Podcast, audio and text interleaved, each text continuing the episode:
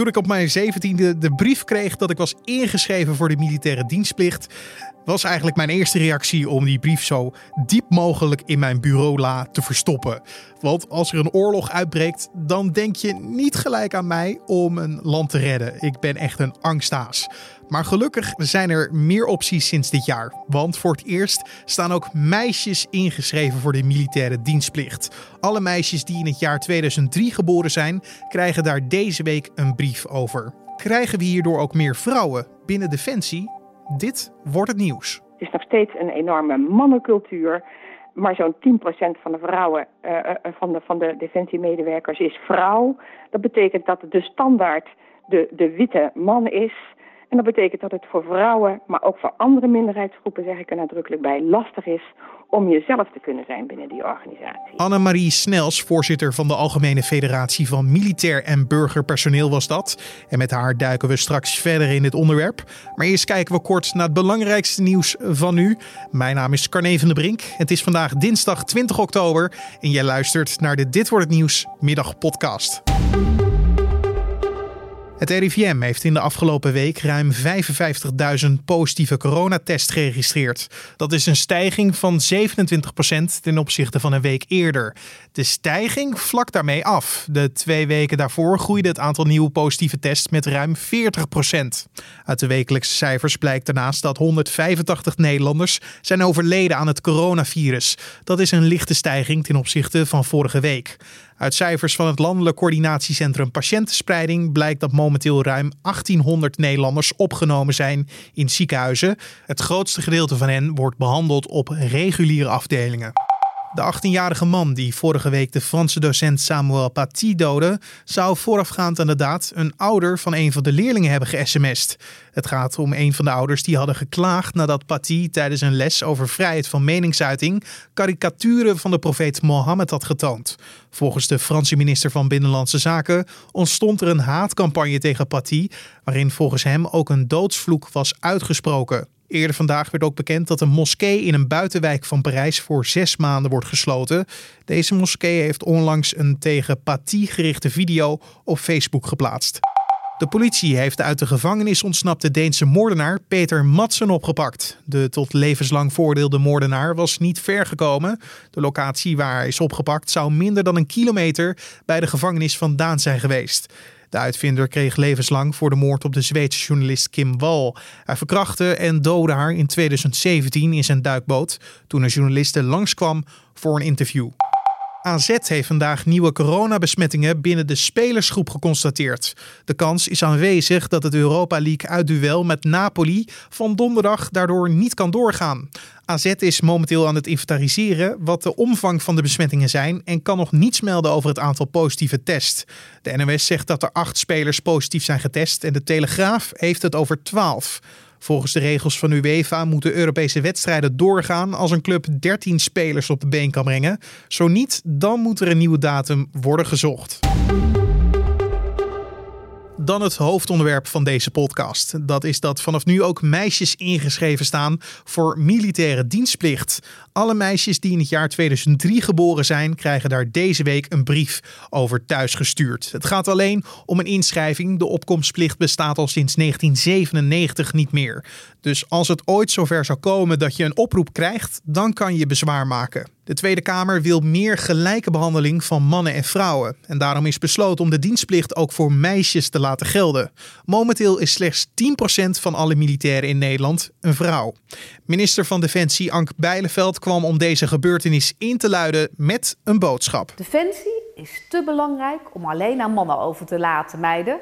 Momenteel is 10% van onze militaire vrouw en ik vind dat echt veel te weinig. Daarom roep ik alle meiden in Nederland op om eens serieus te kijken naar een baan bij Defensie. We hebben veel te bieden en we kunnen jullie echt allemaal gebruiken. Heeft Defensie inderdaad veel te bieden voor vrouwen of zal het nog altijd een mannenbolwerk blijven? Ik vraag het aan Annemarie Snels, voorzitter van de Algemene Federatie van Militair en Burgerpersoneel. Op zich klopt dat. Er is alleen één groot probleem en dat blijkt ook uit een uh, fors onderzoek wat het Sociaal Cultureel Planbureau een paar jaar terug heeft gehad. Uh, heeft gehouden, dat de cultuur van Defensie er niet naar is dat vrouwen zich daar nu echt fijn op hun plek voelen. Het is nog steeds een enorme mannencultuur. Maar zo'n 10% van de vrouwen, uh, van, de, van de defensiemedewerkers is vrouw. Dat betekent dat de standaard de, de witte man is.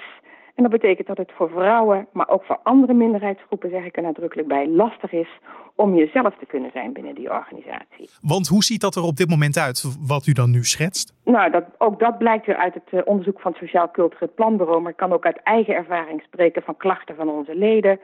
Het uitzicht in pesten, in ongewenst gedrag, in intimidatie, in soms ongewenst uh, sociaal uh, gedrag, in foute grappen maken.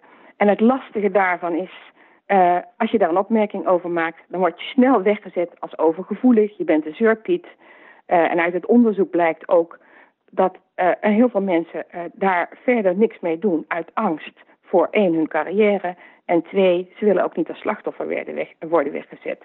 En uit dat onderzoek bleek ook, en dat is eigenlijk nog zorgelijker, dat 17% van de mensen aangaf die onderzocht zijn, dat leidinggevenden zelf vaak dader zijn van ongewenst gedrag. Nou, dat betekent dat er heel veel moet gebeuren in die cultuur. Die cultuur moet veranderen, zodat die defensieorganisatie werkelijk inclusief wordt, zodat vrouwen zich daar thuis voelen, zodat mensen met verschillende etnische en culturele achtergronden zich er thuis voelen, mensen met een verschillende seksuele geaardheid. En zover zijn we helaas nog lang niet. En als je dat niet oplost, ja, dan kan je blijven roepen dat je meer vrouwen of misschien meer uh, minderheden of mensen met een uh, diverse seksuele geaardheid wil. Maar je moet het probleem eerst in de kern oplossen. Wil je daar daadwerkelijk resultaat gaan boeken? Maar de signalen van de macho-cultuur, de macho-wereld, uh, die komen al een tijd naar boven. Ziet u dan daar al verandering in? Nou, te weinig. Er, wordt gepoogd stappen te zetten. Hè. Zo is er binnen de landmacht een heel project over cultuur gaande, wat uh, vorig jaar begonnen is met een theatervoorstelling. Uh, maar daar houdt het natuurlijk niet mee op. Uh, dit is een, een, een, fenomeen wat van bovenaf in de top breed uitgedragen moet worden naar beneden, waar vind ik de top zelf een voorbeeldfunctie heeft. Hè.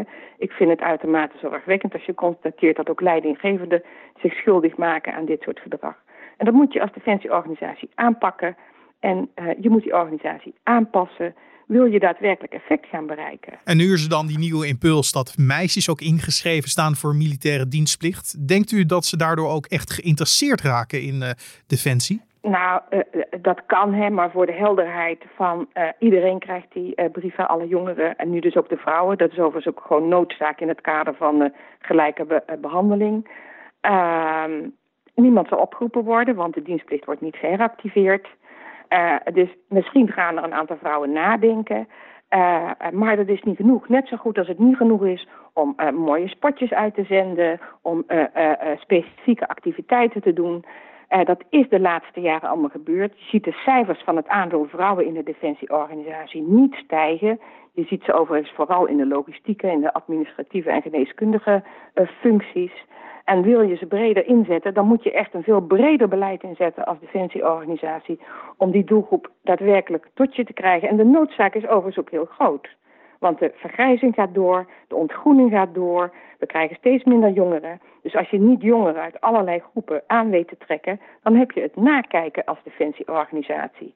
En Defensie scoort al niet goed onder jongeren als je kijkt eh, naar alle lijstjes eh, en alle onderzoeken die daarover gedaan zijn. Uh, dus dat betekent dat je één, het cultuurprobleem aan moet pakken. En het tweede is, uh, dat roep ik ook al heel lang, dat je marktconforme arbeidsvoorwaarden moet bieden. En dat is gewoon niet het geval. Een aantal sectoren met soortgelijke functies bieden gewoon meer geld, betere arbeidsvoorwaarden. En dat helpt natuurlijk ook niet om de doelgroep jongeren aan je te gaan binden. Maar wat u omschrijft lijkt me ook te gelden voor mannen. Die, die lopen daar denk ik ook tegenaan. Die, die lopen daar ook. Kijk, met, als je zegt, ik ga zorgen dat mijn arbeidsvoorwaarden echt op peil komen uh, in, ook, en dat die goed te vergelijken zijn met uh, de rest van uh, de sectoren in Nederland, dan ga je niet alleen de groep jongens, maar ook vrouwen makkelijker aantrekken, denk ik. Maar dat cultuurvraagstuk, dat moeten ze ook echt serieus nemen. Je moet, die, die organisatie blijft natuurlijk sterk hiërarchisch. Je moet in het pulletje passen, wil je je daar thuis voelen. Die organisatie moet zo worden dat die iedereen de ruimte geeft om zichzelf te zijn. Iets anders wat je ook wel leest is dat het werk bij Defensie eventueel te zwaar zou zijn voor vrouwen.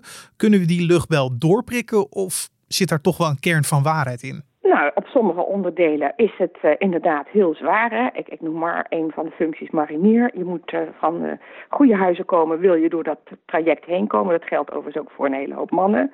Maar er zijn nog tal van functies denkbaar. En bovendien is die organisatie ook aan verandering onderhevig waar vrouwen prima een rol zouden kunnen vervullen. Want als je het over dienstplicht hebt, dan komt er altijd de discussie weer naar boven of de opkomstplicht weer terug zou moeten keren. In 1997 werd die afgeschaft. Eh, zou die terug moeten keren om jongeren van nu te stimuleren? Hoe, hoe kijkt u daarnaar? Alsjeblieft niet. Ik ben er eh, valikant tegen om twee redenen. Uh, de minister heeft vorig jaar berekend dat de kosten van de herinvoering alleen het eerste jaar voor alle 18-jarigen al 15 miljard euro bedragen. Dat is ruim meer dan de huidige defensiebegroting. Nou, binnen de defensiebegroting is overal een tekort aan, dus dat geld kan veel beter besteed worden. En bovendien, uh, die defensieorganisatie is enorm veranderd. Als ik heel eerlijk ben, we zitten niet meer te wachten op dienstplichtigen. We zitten te wachten uh, die uh, komen en binnen een paar jaar weer vertrokken zijn. We zitten steeds meer te wachten op experts die ook voor langere tijd willen blijven, die ook willen in investeren in die organisatie, maar die straks, als het aan ons ligt, ook weer een goede kans krijgen om elders op de arbeidsmarkt aan de slag te gaan. Dus ik vind het een, een foute keuze en ik hoop hij komt iedere jaar opnieuw terug, hè, de discussie rondom de dienstplicht. En ik blijf zeggen, niet doen. Daar gaan we onszelf niet mee helpen. Daar gaan we de veiligheid van ons land en van onze inwoners niet mee helpen. Dus wat u betreft moeten we gewoon een streep door dat vraagstuk zetten. Um, wel nog even terugkeren naar de vraag hoe vrouwen nou te enthousiasmeren zijn voor defensie. Is het onbegonnen werk of ziet u opties hoe dat wel zou kunnen? Ja, kijk, het begint met die organisatie zelf. Uh, uh, laten zien uh, dat je echt open staat voor alle groepen. En dan gaat het niet alleen om meisjes, maar dan gaat het ook, wat ik net al zei, men, mensen met een verschillende culturele of etnische achtergrond, mensen met een verschillende seksuele geaardheid. Je zult er moeten voor zorgen dat mensen zich daar echt thuis gaan voelen. Uh, dan gaat dat uh, bijna vanzelf, zou ik willen zeggen. En iets waarover nagedacht zou worden, is dat je zeg maar, veel projectmatiger uh, groepen meiden gaat benaderen. En ze wellicht ook samen in een opleiding zet, zodat ze steun aan elkaar hebben, zodat ze weerbaarder worden gemaakt. Uh, uh, zodat die organisatie daar ook beter mee leert omgaan. Ik wil graag dit gesprek dan afsluiten met een simpele vraag. We leven nu in 2020. Uh, we hebben het nu over meisjes en dienstplicht. Hadden we dit niet al veel eerder moeten doorvoeren? dat had gekund. de vraag is of het effect had gehad. Hè? Want alle mooie plannen ten spijt van de afgelopen jaren. Er is geen vrouw bijgekomen in de tussentijd. Uh, dus uh, wat ik al zei, je kan campagne op campagne zetten. Je kan eerder, je had eerder zo'n brief kunnen sturen. Maar het gaat niet helpen als die organisatie zelf niet verandert. Dat was Annemarie Snels, voorzitter van de Algemene Federatie van Militair en Burgerpersoneel. En dan het weer. Vanavond is het opnieuw droog, maar al snel trekt opnieuw regen over het land. Hierdoor koelt het vannacht met een graad of 12 amper af. Morgen start de dag nog regenachtig, maar in de middag komt de zon er vaker bij. Het wordt zo'n 19 graden dan. Er staat dan wel een sterke zuidwestenwind. Deze is landinwaarts krachtig tot vrij krachtig en aan zee kan hij zelfs stormachtig zijn. En om af te sluiten nog even dit. De Rotterdamse burgervader Abu Taleb is vandaag voor het eerst weer naar buiten geweest nadat hij vorige week maandag positief werd getest op het coronavirus. De burgemeester had milde klachten en tijdens deze periode bleef hij vanuit huis doorwerken. Abu Taleb vertelde vrijdag in een videoboodschap dat hij de vrijdag ervoor last kreeg van snijdende buikpijn en een paar dagen daarna heeft hij zich laten testen. Je bent niet blij met zo'n uitslag. De pijn ben ik in ieder geval nu kwijt. Ik heb nog wat spierpijn over en een lichte verkoudheid, maar dat mag geen naam hebben. En dan is de vraag, hoe is het mogelijk dat je zo lang loopt te hameren op dat virus en dat je dan zelf ten prooi valt aan het virus? Niet zoveel over te zeggen. Het enige wat ik me kan indenken is, ik moet een moment van onachtzaamheid hebben gehad. En vervolgens grijpt het virusje. Ik heb die pijn geleden. Jij hoeft dat niet. U hoeft dat niet als u nog zorgvuldiger kunt zijn dan ik geweest ben. En tot zover de Dit Wordt Het Nieuws podcast voor deze dinsdagmiddag 20 oktober. Je vindt de podcast natuurlijk elke maandag tot en met vrijdag op de voorpagina van nu.nl en in je favoriete podcast app, zoals een Spotify of Apple Podcast. Help ons ook met feedback, vragen of suggesties door te sturen naar podcast.nu.nl. Dat is ons mailadres podcast.nu.nl. En natuurlijk kan je ook een recensie achterlaten bij Apple Podcast. Mijn naam is Carne van der Brink. Ik wens je een hele mooie dag en graag Tot de volgende.